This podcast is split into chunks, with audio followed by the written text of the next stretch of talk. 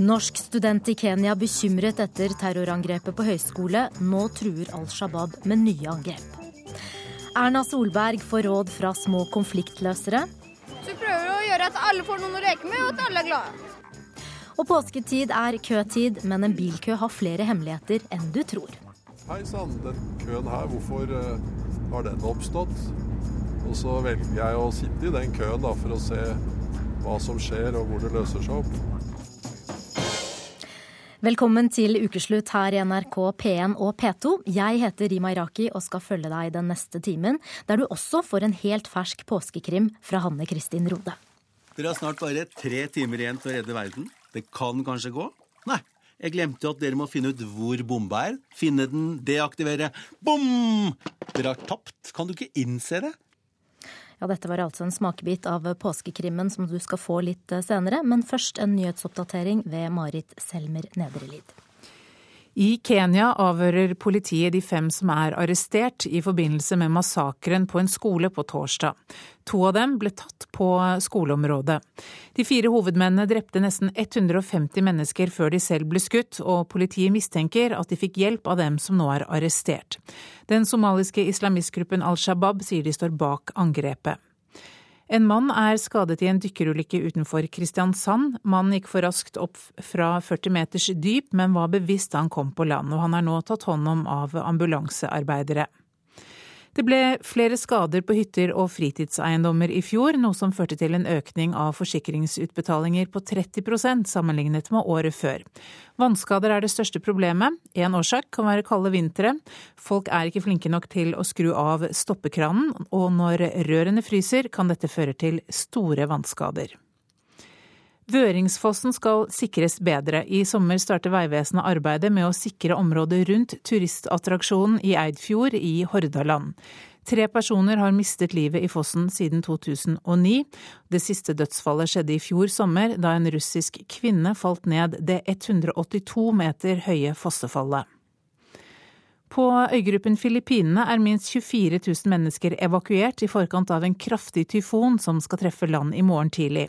Det er ventet at stormen kommer med kraftig regn, jordras og svært høye bølger langs kysten. Myndighetene har sendt ut stormvarsel for 24 provinser og ber folk holde seg unna sjøen. Og turister er fraktet til hoteller som ligger i høyere områder. Så tar vi med også at Norge er klare for VM-finale i curling etter å ha slått Canada 7-6 i semifinalen, og finalen går i morgen. Og nå fortsetter ukeslutt med mer om terrorangrepet i Kenya. We had some gunshot and we were sleeping, so it was around around five, and uh, guys started jumping up and down, running for their lives. But uh, it's unfortunate that uh, where they were going to is where the gunshots were coming from. We went to the field, sit, uh, sat there, and uh, we, we, we, the gunshot continued, and this made us to run to the fence so that we can uh, get our way out from the school. Av fem personer er nå pågrepet etter terrorangrepet mot en høyskole i Garissa i Kenya. Her hørte vi akkurat en av de overlevende fortelle hvordan han ble vekket av skyting rett før morgenbønn. Han flyktet for livet og klarte å slippe unna, men slik gikk det ikke for alle som var på høyskolen. 148 mennesker ble drept, og ekstremistgruppen Al Shabaab sier de står bak angrepet. Vår Afrikakorrespondent Sverre Tom Radøy forteller oss hvem de pågrepne er. Vi vet at to av dem var blant de som man først da trodde var eh, ofre eller overlevende. Om de var inne på området da de andre terroristene kom, eller om de kom med terroristene, det vet vi ikke. Men disse er nå mistenkt for å være en del av, eh, av terrorapparatet i Al Shabaab. Og Det har nå gått snart to døgn etter terrorangrepet. Hva forteller folk du snakker med om det som har skjedd? Pårørende er svært eh, fortvilte og nekter å tro at alt er over. For i går ble det også funnet fire ungdommer eh, inne på området. De hadde gjemt seg. Eh, to av dem nå er jo mistenkt, da, men allikevel to stykker eh, som hadde overlevd ved å gjemme seg i skap. Og en kvinne har ligget i 20 timer i en skuff. Hun var svært, svært traumatisert. Sånn at foreldre tror ikke at alt, alt håp er ute. Og så har du også snakket med guvernøren i eh, Garissa. Hva sier han?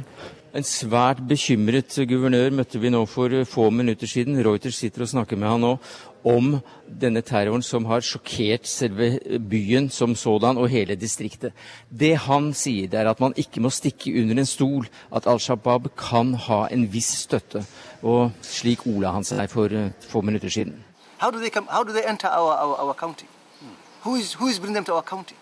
Where do they live a or, or or or, or or before they do their heinous crimes? Who is accommodating them? Where are they hiding? I mean, these are many, many, some of the many questions that we need to be asking. Og det guvernøren også ba oss om å bringe videre, var jo at dette ikke har noe med islam å gjøre. Dette er terrorister og ligner mye mer på satanister som elsker blod, enn å tilhøre en eller annen religiøs eh, gruppe. Og fortsatt så er det mange studenter og ansatte som er savnet etter angrepet. Hva ble gjort for å finne dem? For halvannet døgn siden så sa myndighetene at nå var alle studenter og lærere redegjort for. Men så dukker det altså opp eh, to nye levende. Så dette er altså ikke sant. Nok en gang så kommer man med opplysninger som viser seg å ikke holde mål når det gjelder hva som har skjedd inne i et eh, angrepsområde. Det er halvannet år siden Westgate-massakren i eh, kjøpesenteret i Nairobi skjedde. Ennå vet vi ikke den fulle sannheten om hva som skjedde der. Det er et eh, blødende sår, et verkende sår i den eh, bevissthet, kenyanske bevisstheten. Man frykter at lignende kan skje med denne tragedien. Ja, Det sa altså vår Afrika-korrespondent Sverre Tom Radøy da jeg snakket med ham for kort tid siden. Anna Aarøy, du studerer ved et universitet i Nairobi, og du er med oss på telefon. Hva sier folk du snakker med om det som har skjedd? Det er, eh, det er helt forferdelig bare at dette kunne skje. Og bestevenninna mi her, hun er eh, somalier. Og hun er eh, veldig redd for at hun skal bli sett negativt på for å være somalier da. Så hun hun, hun, er selvfølgelig like sjokkert som alle kenyanere at dette kunne skje. Og folk Stemningen er ikke fint her, men man, da Westgate skjedde, så skjedde det jo i Nairobi. Da så man alt, da hørte man alt. Og det var helt kaos her. Men uh, siden det skjedde i Garissa, så er det Man ser ikke kaoset, men man føler det veldig. Ja, man ser bilder på nyhetene, og det er veldig, veldig trist og, trist og tragisk at dette skulle skje. Og det var jo studenter som ble angrepet. Du er student. Hvordan er det å være student i Kenya nå? Det, det er skremmende. Det er helt ekkelt å vite at uh, det kunne like gjerne vært uh, mitt universitet uh, istedenfor det, det Garissa. Og, og det, er, det, er, bare litt ekkelt å tenke på at, nå, at det, kun, det, kan skje. Det, kan jo skje igjen. Og man må være veldig oppmerksom på hva man gjør, hvor man går. og ja, man må være veldig, veldig sikker på at man tar de riktige steg på det, med det, det man gjør. Mm, for Vi hører nå at Al Shabaab har truet med nye angrep. Hva syns du om det? Um, det de, de, sa det samme etter Westgate. Og nå er det jo den Det har vært et par angrep siden, og nå er det en veldig stor en. Så jeg vet ikke når den kommer til å komme. og ingen vet når det kan komme. og så Man sitter litt sånn Oi, kan det komme i morgen? Kan det komme om et år? Men som de sier her, så the life must go on, og man må bare fortsette å leve. Jeg kan ikke bare slutte å studere pga. det her eh, at de sier at de skal angripe igjen. Og man må bare fortsette å mm. leve. Men er du redd? Ja, jeg er, jeg er redd. Um, men uh, det er ikke mye jeg kan gjøre enn å være oppmerksom på situasjoner rundt meg og bare være forsiktig. Ja, Hva gjør du for å føle deg trygg? Etter Westgate ehm, så har jeg holdt meg unna flere kjøpesentre her i Nairobi. og Hvis jeg må inn på en, så løper jeg inn og kommer ut så fort som mulig. Og så var det et par angrep på busser også. og det der har jeg også jeg har holdt meg under store busser og tar bare små heiesvenner nå. Og ja, jeg skal bare være oppmerksom på det som skjer rundt meg nå. Mm. Men du vurderer ikke å reise hjem igjen til Norge? Nei, det skal jeg ikke gjøre. Her, eh, Kenya er et fantastisk land. Så mange hyggelige folk. De er så snille. Og etter Westgate så kom kenyaner sammen. Og det samme gjøres nå igjen. og som de sier her i Kenya, Wakenya Pamoja, at kenyaner står sammen. Og jeg, jeg tror når, når et land står sammen, så kommer dette til å gå bra. Anna Aarøy, tusen takk for at du var med i Ukeslutt.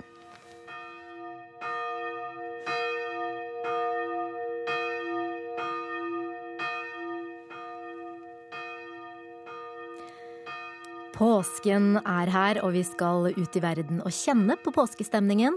Og vi starter selvfølgelig der det hele begynte for mer enn 2000 år siden. Midtøsten-korrespondent Sigurd Falkenberg Mikkelsen, hvordan er det hos deg? Her i Kairo er det ikke så mye påskestemning. Det er litt vårstemning. Det begynner å bli varmt i lufta. og er en del sandstormer og slike ting som det pleier å være på våren her. Men eh, noen påskestemning er det ikke. Det eneste jeg har sett, er et par eh, sjokoladeharer i den lokale butikken. Eh, for det er jo sånn at den kristne minoriteten her er i all hovedsak koptere. og De markerer påske, men de følger den ortodokse kalenderen. og Der er det ikke påske før 12. Eh, april. Når de feirer påske, så er det offisiell fridag her. Og da er det jo også ordentlig påske, for å si det sånn. Altså, det handler ikke om fjelltur og appelsiner, men om en religiøs høytid. I disse dager så er det veldig spent mange steder i Midtøsten. Hvordan preger det stemningen der nå? Det er jo flere kriger eh, her enn det har vært eh, kanskje noen gang siden andre verdenskrig. Eh, sånn at det er, en, det er en forferdelig vanskelig situasjon for alle i Midtøsten for tiden. Men de kristne merker det spesielt. De er veldig utsatte. Og det er ikke noen gledelig påske dette for kristne her i Midtøsten. I Irak så er mange av de fordrevet av IS. De er under stort press i Syria. Og de har stort sett vanskelige kår over hele Midtøsten i det kaoset som regionen nå er inne i. Ja, Vi skal videre til Storbritannia og Espen Aas. Der er det kanskje mer til påskestemning? Akkurat i år så er det kanskje valgkamp som preger påsken mer enn eh, noe annet, selv om det også naturligvis er eh, en form for langhelg eh, her. Og den ble innledet med partilederdebatt nå på skjærtorsdag kveld, og så har vi hørt litt om etterdønningene av den. Men nå handler det mer eller mindre om påske for i alle fall deler av befolkningen. Det er jo mange titalls religioner som praktiseres i Storbritannia, så mange markerer det naturligvis ikke overhodet. Eh, men om ikke det handler så mye om ski og appelsiner, så um, har vi fått noen kalde dager eh, før helgen, bl.a. Eh, i nord. Men nå varmer folk seg med de tradisjonelle hot cross buns fra bakerier og butikker. Det er en type boller med rosiner og tørket frukt med et kors på, på toppen. Eh, og så er det jo tradisjon da med påskeeggleting i egne hager eller eh, lokale parker. Men akkurat i år så har det vært en del kontroverser rundt de tradisjonsrike sjokoladeeggene med karamell eller kremfyll fra mm, den eh, britiske produsenten Cadbury, for de har redusert størrelsen på den på dem. Eh, men ellers så er det jo mange gamle eh, påsketradisjoner som, eh, som opptog og dans og utkledning som markeres noen steder, men for mange handler nok aller mest om å slappe av. Og slappe av må de, fordi det er en annen påsketradisjon også, nemlig at det repareres en rekke undergrunnslinjer og jernbanelinjer rundt omkring i landet, slik at togene går overhodet ikke som vanlig. Men her hjemme så går eh, alt som det skal, og det blir ingen påske uten påskekrim. Slik er det i hvert fall for mange, også for oss her i Ukeslutt, som i år har fått hjelp av tidligere polititopp Hanne Kristin Rode. Hun har skrevet historien vi nå skal få høre. Politiet har mottatt en bombetrussel, og innen 48 timer vil en bombe gå av i et av landets Nav-kontorer. Politietterforsker Vivian Elvestøl har en mistenkt i avhør, og nå må hun finne ut av hvor bomben kan eksplodere, før det er for sent.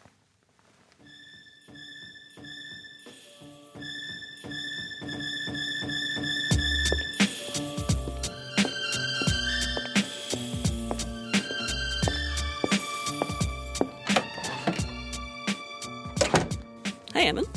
Jeg heter Vivian, og jeg vil gjerne snakke med deg. Hvorfor det? For å bli kjent med deg. Du er ikke interessert i meg. Hvordan kan du være så sikker på det? da? Dere er bare interessert i bomba. Jeg tror nok at vi to skal bli enige, bare vi snakker litt sammen. Sett deg. Vann? Jeg må ha vann? Ja, det står vann og glass på bordet rett foran deg. Hva er klokka? Eh, snart fire. På morgenen. Jeg må vaske hendene. Du kan vaske dem senere. Klokka fire? Jeg må vaske hendene klokka fire. Er det tvangslidelsen din som gjør at du må vaske hendene annenhver Det har time? ikke du noe med. Hva er det du har lyst til å vaske av deg? Skaff meg vann nå!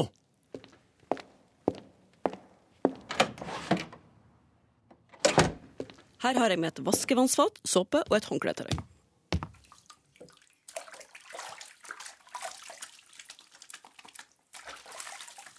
Hør her. Jeg vet ikke hvorfor du planlegger å ramme en masse uskyldige mennesker. Men til forskjell fra andre som begår kriminalitet, så har du en utdannelse, familie, og livet ditt er tilsynelatende bra. Det syns jeg er interessant. Du synes det er interessant helt til jeg ikke gir deg det du vil ha. Kan jeg spørre deg om noe? Mm. Hvem er din største fiende? Ja, Da må du ikke spørre meg om hvem, men om hva. Og det er Likegyldighet. Du er virkelig en veldig ærlig kvinne. Og du må ha en veldig god grunn for å velge en voldelig atferd. Kanskje. Kanskje ikke? Ok, vi tar en pause. Klokka er to minutter på seks, og du skal vel vaske hendene. Eh, Jeg skal skaffe deg noe mat. Kan jeg få en klokke, så jeg kan følge med på tiden selv? Beklager. Men jeg lov at jeg skal passe tida for deg.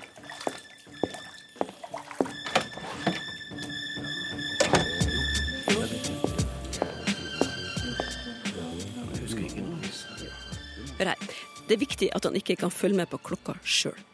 Klokka tikker ubønnhørlig mot dag, og klokka tolv så går bomba av på et ukjent sted. Vi må stoppe han. Dere må forberede følgende for meg. Hør her.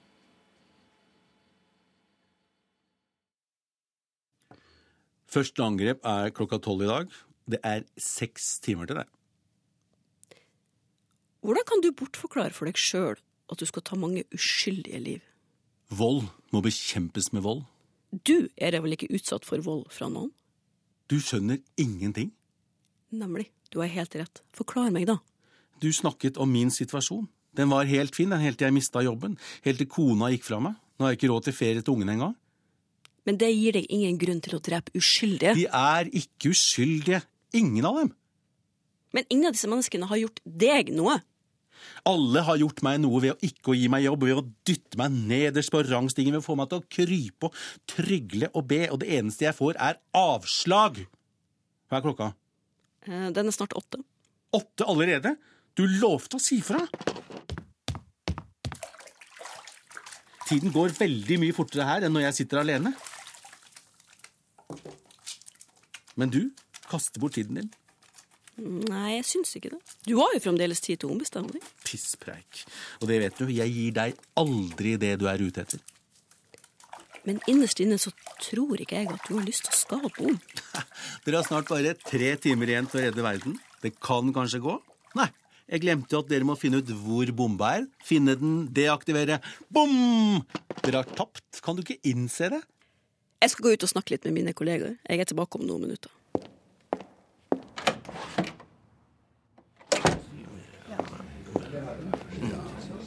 Det er ikke mye tid igjen her. Han der inne han kommer ikke til å snakke.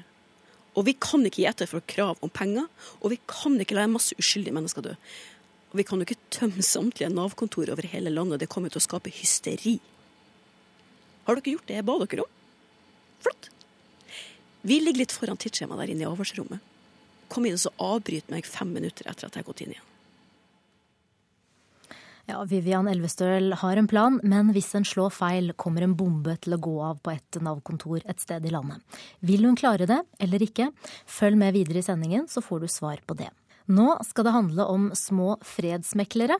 På Lysaker skole i Bærum er det barna selv som løser opp i krangler og konflikter som kan oppstå i skolegården. Og denne uken fikk de statsministeren på besøk. Hvis f.eks. mange barn har sånne små krangler som de syns er litt sånn flaut å si til de voksne, så er det litt bedre å ha et sånt barn som de kan fortelle til. Elleve år gamle Mie har en viktig rolle på Lysaker skole.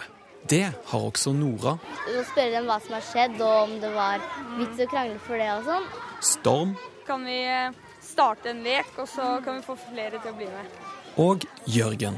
Så vi prøver å gjøre at alle får noen å leke med, og at alle er glade. To ganger i uka tar de på seg en gul vest og er konflikthjelpere i skolegården blant de minste barna. Vi løser opp litt krangler for, de, eh, for barna, og sånn at de ikke skal drive og krangle på det. Og hvis de sitter og tenker på at de krangler i timen, så får de ikke lært noe. Et forebyggende tiltak mot mobbing her på Ja. Prosjektet til Lysaker skole er helt nytt, og nå har ryktene nådd statsministerens kontor. Hei. Hei, Sara. Hei. Det oppstår nesten kaos idet 100 små parkdresser innser at det er Erna som kommer gående. Da kommer jeg meg ikke inn, nei, men det er hyggelig, da. Hei. Hei, hyggelig. Hun har selv måttet løse mange konflikter den siste tiden. Hvorfor er du her? Så spørs det om hun er her for å lære, eller for å For å hilse på de som hjelper dere med å løse når dere krangler. For å høre hvordan de gjør det. Hei. Greit. Erna Solberg har tatt turen innom for å høre mer om hva de fire konflikthjelperne gjør. Jeg syns det er en god idé for skoler rundt omkring i landet å tenke dette. For det første så er jo dette da eh, sjetteklassinger som virkelig lærer å ta ansvar. Og for det andre så skaper de et mye bedre skolemiljø. Har du fått noe hjelp fra disse her? Ja. Ja. Men hva har dere lært av dette, da? Når vi løser opp i krangler for de små, så kan vi kanskje tenke på litt hvor eh, om vi kan prøve å løse det opp selv når vi krangler i store skolegård. Vi prøver å bruke det samme bare på oss selv. og løse opp det. Hvis dere skal fortelle disse barna som er mindre, liksom, hvordan de selv kan slutte å krangle, hva sier dere da? Noen ganger hjelper det egentlig bare å stå der, fordi da kan vi gi dem råd, og så løser de det selv. Hva er den verste dere har opplevd her, da? Verste dagen Ja. Det, det var hvert fall Det er noen ganger det kommer sånn skikkelig store og heavy krangler som jeg ikke klarer å løse opp i, så derfor må jeg bare si fra til noen voksne. Og det er at eh, det er mange forskjellige meninger, og jeg vet ikke hvem, hvem, liksom, hvem som liksom har rett. Fordi de, si, det er noen som over, liksom de, begge sidene overdrives, liksom. For eksempel liksom at bare sånn Hun slo meg så hardt! Og noen bare sånn Nei, jeg bare tok på henne. Sånn. Så, liksom overdrives. Og da er det liksom vanskelig å liksom vite hvem. Ja. Inspektøren som har hjulpet deg med dette. De fire barna er ikke alene om å gjøre denne jobben, og har mange voksne rundt seg de kan spørre. Men det kan jo hende at barn har et litt annet blikk enn voksne. Ja, vi tror det. Kirsti Thalén er avdelingsleder på skolen. Jeg tror at de, for det første så tror jeg at de som er ute som konflikthjelpere, de får andre henvendelser enn jeg som voksen ville fått. Jeg tror barna tør å gå til litt større barn med enklere ting. Og da tror jeg kanskje at vi kan få bort noen problemer før det blir et ordentlig problem. Og akkurat det er de fire stolte gule vestene enige i. De voksne husker kanskje ikke hvordan det var å være barn når de kranglet. Så da er det bra at vi tar noen i sjette klasse som liksom Hvis vi f.eks. det hadde vært i fjerde eller klasse, så hadde de kanskje vært på den siden. Til, velge parti. Så vi, det gjør jo ikke vi. Ja. Mm. Veldig hyggelig hilse på dere. Veldig flott jobb. Kjempebra. Ja. Så dere syns at alle skoler burde ha sånne konfliktløsere? Ja. Det er en god idé å ta med videre. Ja, gode råd som kan komme godt med når Erna Solberg vender tilbake til regjeringskontoret etter påskeferien. Reporter her var Eivind Våge. Du hører på Ukeslutt i P1 og P2. Følg med videre, for noen er påsken dette. Påskeåren, påskeegg, ett. Vi gir deg tannlegens tips for å passe på tennene. Og klarer politiet å finne bomben i tide? Mer påskekrim straks. Men først skal vi til en særnorsk påsketradisjon. Nemlig å sette seg i bilen og kjøre over grensen til Sverige for å handle billig kjøtt, sprit og øl. Og reporter Christian Ingebrigtsen, du har tatt turen til vårt naboland og står ved et kjøpesenter. Er det mange nordmenn der? Ruth. Ok, nå vet jeg det. Kan jeg da stå dere bare her og venter? Og så skal vi inn eh. Det så ut som om Christian Ingebrigtsen ikke var helt klar. Vi skal eh, over til den andre siden av grensen, til Svinesund. Der står du, reporter Eivind Våge. Eh, vi vet at det har vært ekstra trøkk i trafikken nå i påsken, men eh, hvordan ser det ut på veiene akkurat nå? I dag i et strålende påskevær så er det forholdsvis rolig enn så lenge. Jeg står her med vaktleder ved tolve, i tollvesenet ved grenseovergangen Svinesund, Per Kristian Grandal. Det var verre i går ettermiddag? Ja, det var faktisk mye mer trafikk i går ettermiddag enn det er akkurat nå. Men jeg vil nok tro at trafikken vil ta seg opp utover dagen. Eh, men det er kanskje ikke bacon og kyllingfileter dere er på jakt etter? Nei, vi som vanlig så ser jo vi etter dem som smugler narkotika først og fremst. Så det er jo ikke noe forskjell for oss eh, om trafikken er stor eller liten. Vi ser alltid etter dem som smugler narkotika først og fremst. Vi står jo her ved overgangen rett ved siden av oss. Hva er det dere ser etter når folk kjører gjennom? Nei, vi har jo våre ting som vi ser etter. Vi har jo noe etterretningsopplysninger og sånt som vi har oppi hodene våre, holdt jeg på å si. Eh, og så er det jo det den eh, prøver å foreta en kort samtale med som, en del av dem som kjører forbi, og så vurderer vi ut fra den samtalen om vi skal ta da videre kontroll med hund og skann osv. Enn så lenge går altså trafikken strålende inn og ut av eh, Norge og Sverige. Takk til deg, Eivind Våge. Og vi skal eh, nå tilbake igjen til eh, den andre siden av grensen. Christian Ingebretsen, eh, du er i Sverige. Er det mange nordmenn der? Her på svenskesida er det ganske bra med nordmenn. altså. Parkeringsplassene er i ferd med å fylle seg skikkelig godt opp. Og folk går inn i Nordbysenteret her, som jo er svenskehandlernes mekka, med tomme handlevogner og kommer ut med fulle. Men jeg snakka med noen butikkansatte som fortalte at det har ikke vært like mye trafikk denne påska som det har vært tidligere påsker. Kanskje pga. det fine været, og kanskje pga. litt svak kronekurs. Men det stopper ikke der, Ruth. Du har fulgt opp handlevogna. Ja da, det går bra. Det blir jo nesten det samme som hjemme. Bare at eh, vi synes at kjøttet er litt billigere her. Ja. Fleske, som de sier her, da. Er det bare flesk dere har kjøpt, eller? Stort sett. Ja. Men eh, noen vil jo kanskje si og mener at den type handel her er litt sånn harry. Vil du, Ruth, eh, føler du deg harry når du handler her? Nei, det gjør jeg ikke. Men eh, jeg syns det er trivelig å kjøre til Sverige, og da handler vi samtidig. Det er første gang dere er her på påskehandel. Kan det fort bli en tradisjon? Det vet vi ikke. Nei, det spørs. Men eh, på sommeren er vi ofte i Sverige på tur. God kok utenfor Nordbysenteret, altså. Og uansett om du skal på harryhandel eller på hytta, så handler en del av påsken om å stå i bilkø. Men hva er egentlig årsaken til at det blir kø? Det er det noen som har forsket på, og før vår reporter Christian Ingebretsen, som vi nettopp hørte, dro til Sverige, tok han en kjøretur med en av landets fremste eksperter på kø. Her er det veldig ofte kø ut mot rundkjøringa i Sinsenkrysset. Og er, eh, her er det en ubalanse mellom eh, antall felt og Du ser det her sånn står det stadig når det er en del trafikk. Han lener seg engasjert over rattet og peker ut på veien. Mannen med et lurt smil og en helt spesiell ekspertise. Noen ganger så er det interessant. Hei sann, den køen her, hvorfor uh, har den oppstått? Og så velger jeg å sitte i den køen da, for å se hva som skjer og hvor det løser seg opp. Kristian Værsted er sjefsingeniør ved Statens vegvesen, Vegdirektoratet, seksjon for trafikkforvaltning. Eller eh, for å si det litt enklere, Kristian er køekspert. Det er ikke alltid køene skyldes de naturlige flaskehalsene. Det kan være at eh, det er biler som har fått motorstopp eller kjørt i hverandre eller et eller annet. Det finnes flere årsaker til hvorfor køer oppstår. Noe av det kan faktisk også være din egen skyld. Det skal vi komme tilbake til. Vi står i kø ut av Oslo, står i kø inn i Drammen, står i kø på bensinstasjon, i kø over fjellet, vi står i kø inn i skiutleie Påsketid er for mange også køtid.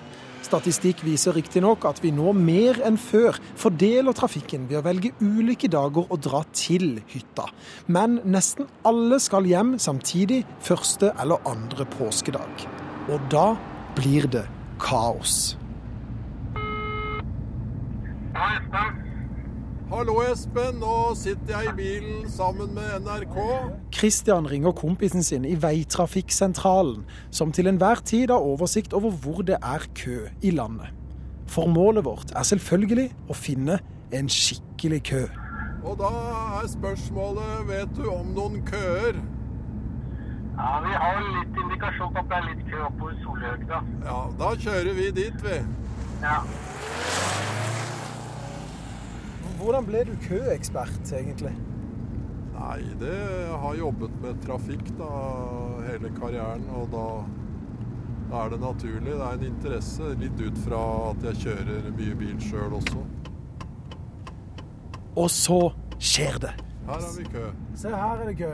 Yes. Oi, oi, oi. To kilometer i timen. Her går det jo veldig sakte, da. Ja, nå står vi stille. Påskekøene oppstår fordi det er for mange biler samtidig på en for liten vei. Men det kan også være flere grunner til at en kø oppstår, forteller eksperten. 1. Den gode feriestemningen i bilen gjør at sjåførene blir mindre oppmerksomme og glemmer å følge på når bilen foran kjører. Dette skaper en kjedereaksjon bakover. 2. Glanekø. Noe interessant å se på langs veien gjør at flere av sjåførene bremser bitte litt for å glane. Noe som skaper en forsinkelse bakover i køen. Vi stopper på en bensinstasjon for å sjekke om folk vet nok om hvordan de skal oppføre seg i kø. Hei. Ja, ja, men ja, vi har en bak her som er litt opptatt av det der, for han har løst, lest litt om køproblematikken. Helt tilfeldig så viser det seg faktisk at sønnen i baksetet er unormalt opptatt av køer. Hva er det du har lest om, da? Nei, jeg har bare hørt at køen går raskere hvis alle følger på de som er foran. og ja, du sett tett sammen. Det var bra. Hyggelig å treffe noen som har skjønt poenget. Ja. Dermed tøffer vi hjem igjen. Og nå som du vet hvordan en kø kan oppstå, kan du også være med på å unngå å skape den. God tur, da.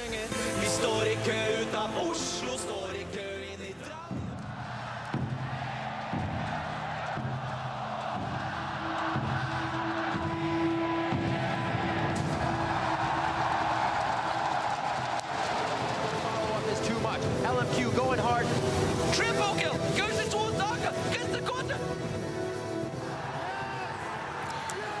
Se for deg en stor fotballstadion. Det er stappfullt av mennesker. Alle er der for å se to lag spille mot hverandre. Alle støyene er rettet mot en gedigen storskjerm, der målet til spillerne er å utslette fienden. Dette er lyden av VM i dataspillet League of Legends. I Sør-Korea er det en nasjonalsport, men også her hjemme har såkalt e-sport blitt populært de siste årene. Og Audun Rodem, du er journalist i spillmagasinet gamer.no. Hvorfor syns folk at det er så gøy å sitte og se på dette her? Det er jo kjempespennende å se på at noen gjør det veldig bra i noe de er veldig gode i. Og de kampene her er så full av fart og engasjement at eh, det er vanskelig å ikke bli revet med, faktisk. Ja, for oss nordmenn så kan det jo virke litt sært, men i Sør-Korea så er dette som langrenn for oss nordmenn, ifølge Aftenposten. Eh, Forklar oss hva e-sport er. E-sport er enkelt sett eh, konkurransespilling i dataspill eh, i organisert form. Det, er, det kan være én mot én, eller det kan være lag mot lag. Og på Norges største datatreff, The Gathering på Hamar, er det duket for finale i League of Legends i kveld. Sebastian Ksell, du er eh, spiller på fulltid og skal være med i finalen. Hva er forskjellen på dette her og når du sitter og spiller på gutterommet? Nei, Det er jo det når man er på et land som dette her og faktisk eh, får treffe, truffet alle menneskene som sitter her. Og det er et publikum som heier på deg og kommentatorer som uh, hyper opp stemningen, så blir det jo helt annerledes enn å sitte alene på rommet og spille. Ja, Hvordan er det å spille foran et eh, publikum? Beskriv den følelsen. Nei, det er eh, det er både Man blir nervøs, og det kiler i magen, og det er ekstremt kult i forhold til uten publikum, selvfølgelig. Så Vekker kanskje konkurranseinstinktet Ja. også? det vekker helt klart konkurranseinstinktet en god del. Eh, I e-sport så sitter man ganske mye stille, og det gjør man jo også i eh, sjakk. Eh, Sheila Barth Zahl, du er sjakkspiller på landslaget og jobber fulltid som sjakkinstruktør. Er eh, e-sport noe du eh, har troen på? Ja, helt klart. Det, jo, det fenger veldig mange mennesker, og det blir spilt av mange millioner mennesker. Og alle kan ikke være helter på idrettsbanen, og da trenger de andre områder å konkurrere på. Og det er jo noen som også sammenligner e-sport og sjakk. Ser du noen likheter mellom de to idrettene, hvis man kan kalle det det? Eller man kan jo det. Ja, man kan det. Det, det krever jo strategisk sans, begge to. Og de appellerer også til at man skal konkurrere mot noen og prøve å være bedre og forvalte informasjon på en bedre måte enn motstanderen. Er det noen ulikheter da, som du Ja, altså, vil peker på? ja, først og fremst så er jo økonomien For å starte å spille sjakk, så trenger du bare et brett og brikker. og Det kan du ta med deg på hytta eller spille på skolen osv. Mens eh, for å starte med e-sport, så trenger du jo nesten en sponsor og penger i ryggen. Men i tillegg til det så tenker jeg også at uh, sjakk, er jo, sjakk er ofte en enmannsidrett. Selv om du spiller på et lag, så lærer du veldig fort at det er kun deg selv og, og, som du må skylde på. da. Og så er det kanskje litt uh, mer fysiske forberedelser uh, i sjakk som man, må gjøre, som man må gjøre? ja, men jeg tenker at det også er i e-sport. Men ja, du må være i fysisk form for å prestere i ni dager i en sjakkturnering. Det er en del fysiske forberedelser i e-sport òg. Man, man, må legge opp strategi og taktikk før en kamp og jobbe hardt for å trene mot spesifikke turneringer for å slå spesifikke lag. Det er litt som i, i fotball. Hvis, hvis, man vet at det laget har en spiller som er ekstra god, så må man fokusere veldig hardt på den spilleren. Ja, hvordan forbereder man seg før en kamp? Man, man forbereder seg egentlig hele tida. Uh, man spiller kontinuerlig, trener hver dag, uh, øver veldig hardt. Eh, men til en kamp så jeg tror mange forbereder seg veldig mentalt, først og fremst. For det krever mye å sitte og være på så lenge som man skal være der. Mm. Sebastian, du skal jo spille i kveld. Hvordan har du forberedt deg før eh, kveldens finale? Nei, det viktigste er egentlig at vi, vi, har funnet ut hvem vi møter. og Så må vi på en måte finne ut hva de liker å spille og hvordan de liker å spille. og Dette er et lag vi har spilt mot før, så vi har ganske god peiling på det. Og så er det selvfølgelig viktig også å ha hatt nok søvn i forkant, da, sånn at hjernen din eller hodet ditt klarer å fungere. For det er ganske mye press når man sitter der oppe. Ja, har du fått eh, nok søvn i natt? Ja, jeg fikk en god natt med søvn i natt. Så det er jo musikk som blir spilt på TG hele tiden, men jeg klarte å sove gjennom det heldigvis. Eh, men uansett om man syns dette her er sært eller ikke, så er dette big business. Det ligger eh, opptil flere millioner i premiepotten under slike konkurranser i utlandet. Kan e-sport bli like populært i Norge som det sjakken har blitt? Det tror jeg absolutt at det kan bli. Det, det vi så med sjakken for, for, noen år siden nå, var egentlig, et, egentlig eksemplarisk for det som også kan skje med e-sport. Det handler bare om å få formidla det på en veldig god måte til folk, tror jeg. Sheila, hva tenker du? Jeg tenker Det som skjedde for oss for noen år siden, var at vi fikk noen veldig gode formidlere som klarte å bygge bro mellom stammespråket vårt og sånn andre utenfor spillet ser, ser på sjakk. Og så tenker jeg også at uh, man må bygge profiler og hele mennesker av utøverne, sånn at uh, tilskuerne kan faktisk følge med på og bry seg om om de som deltar, gjør det bra eller dårlig. Og kanskje få folk til å kommentere dette her, altså profiler til å kommentere det. Og da kan det jo f.eks. høres ut som eh, dette. Vi er inne i kampen. Det er en stor slette med trær, en foss, røde små nisser i kamp med blå nisser. En stor figur som løper rundt med en slegge. Inn kommer en flygende drage. Det spruter ild. Det kan ikke bli mer dramatisk. Ja, dette var altså Arne Skeie som eh, kommenterte denne kampen. Eh, Audun, eh, hva syns du om det? Jo, det, det hørtes jo interessant ut, det. Jeg vet ikke om Arne Skeie hadde helt peiling på hva som skjedde. Jeg tipper det var League of Legends han kommenterte. Ja. ja. Men eh, tror du eh, om man hadde fått typer som han til å kommentere kamper, ville det ha gitt eh, spillet et løft? Jeg tror, det, jeg tror, faktisk det er det viktigste for å få folk til å bry seg om det.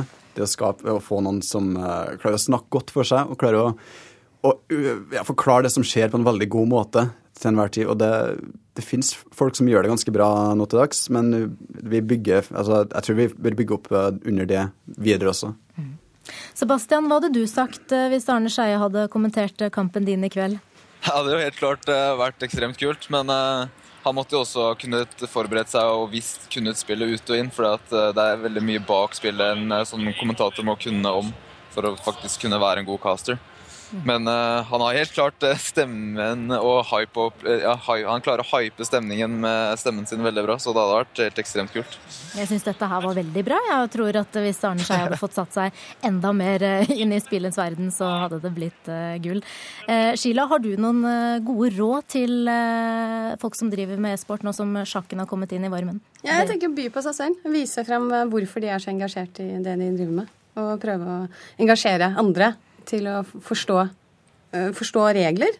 Altså komme seg over terskelen til å komme inn, og da tenker jeg at da sitter man fast. Sebastian, kommer du til å ta med deg disse rådene? Ja, helt klart. Vi jobber jo hver dag med å på en måte få inn uh, flere fans og spre det videre. Så det er helt klart noe vi kommer til å fortsette med å ta til oss. Uansett så ønsker jeg deg lykke til med kampen i kveld. Takk til Sebastian Ksell, Audun Rodem og Sheila Barth Zahl. Da er det klart for siste del av årets påskekrim. Klokken tikker mens politietterforsker Vivian Elvestøl prøver å finne ut av hvor bomben er.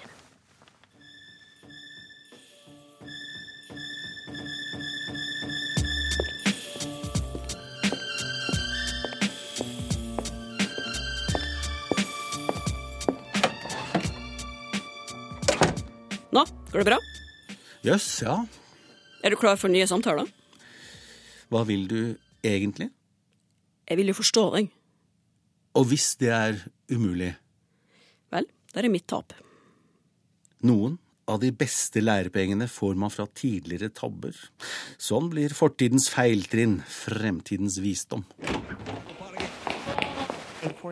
Dette er en ekstrasending.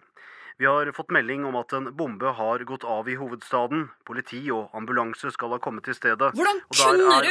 Du, du rettferdiggjør drap i din syke fantasi. Hvorfor eier du ikke skrupler? Dette er uskyldige mennesker. Det finnes ikke uskyldige. De skader aldri deg. De skader meg bare ved sin blotte eksistens. Det som begynte på Nav gamle Oslo-kontor i dag, vil gjenta seg. Og det er mange der ute som er villige til å gjøre akkurat det samme som meg. Bomba er på Nav gamle Oslo! Sett inn bombesøk! Du lurte meg!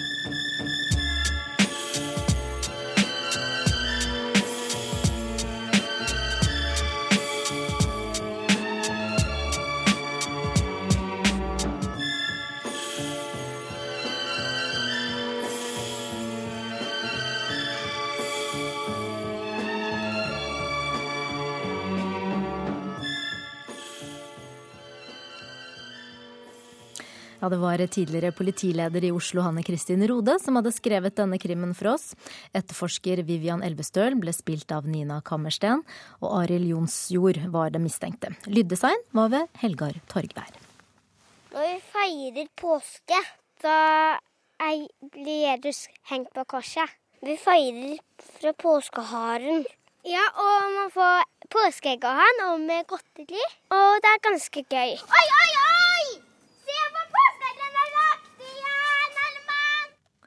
Ja, Det er alltid like stas når påskeharen har vært på besøk, men det kan fort bli litt for mye av det gode. Her kommer tannlegen med råd.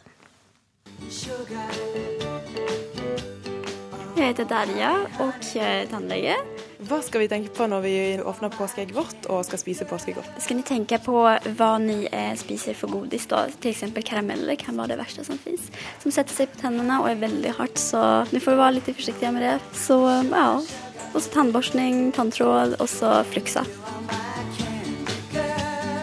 Er det lov å kose seg litt med påskegodt likevel? Absolutt. Det, kunne jeg gjøre selv, så det får ni lov å gjøre det. Ja, det var reporter Ingvild Fjelltveit som hadde møtt tannlege Daria Basari. Da er det klart for et værvarsel ved Terje Alsvik Vallø. Ja, God ettermiddag. Her er Meteorologisk institutt med været for resten av dagen i dag og frem til eh, første påskedagskveld. Det er veldig fint vær mange steder i landet i dag, men i morgen blir det generelt mer skyer. Temperaturene stiger litt uh, en del steder i landet i morgen, men det er bare små endringer i temperaturen på Vestlandet sør for Stad, Østafjells og i Finnmark.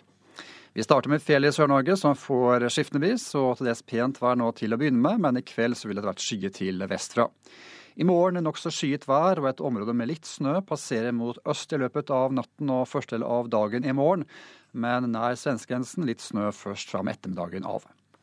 Østafjells skiftende bris, til pent vær. I morgen så blir det stort sett skyet eller delvis skyet vær og et område med litt snø eller sludd passerer fra vest mot øst over deler av Oppland og Hedmark i løpet av formiddagen og ettermiddagen. Ellers stort sett på seg resten av området hele morgen.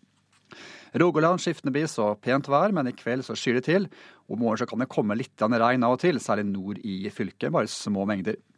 Hordaland og Sogn og Fjordane skiftende bis, sørvestlig frisk bis ved Stad. Etter hvert tilskyende.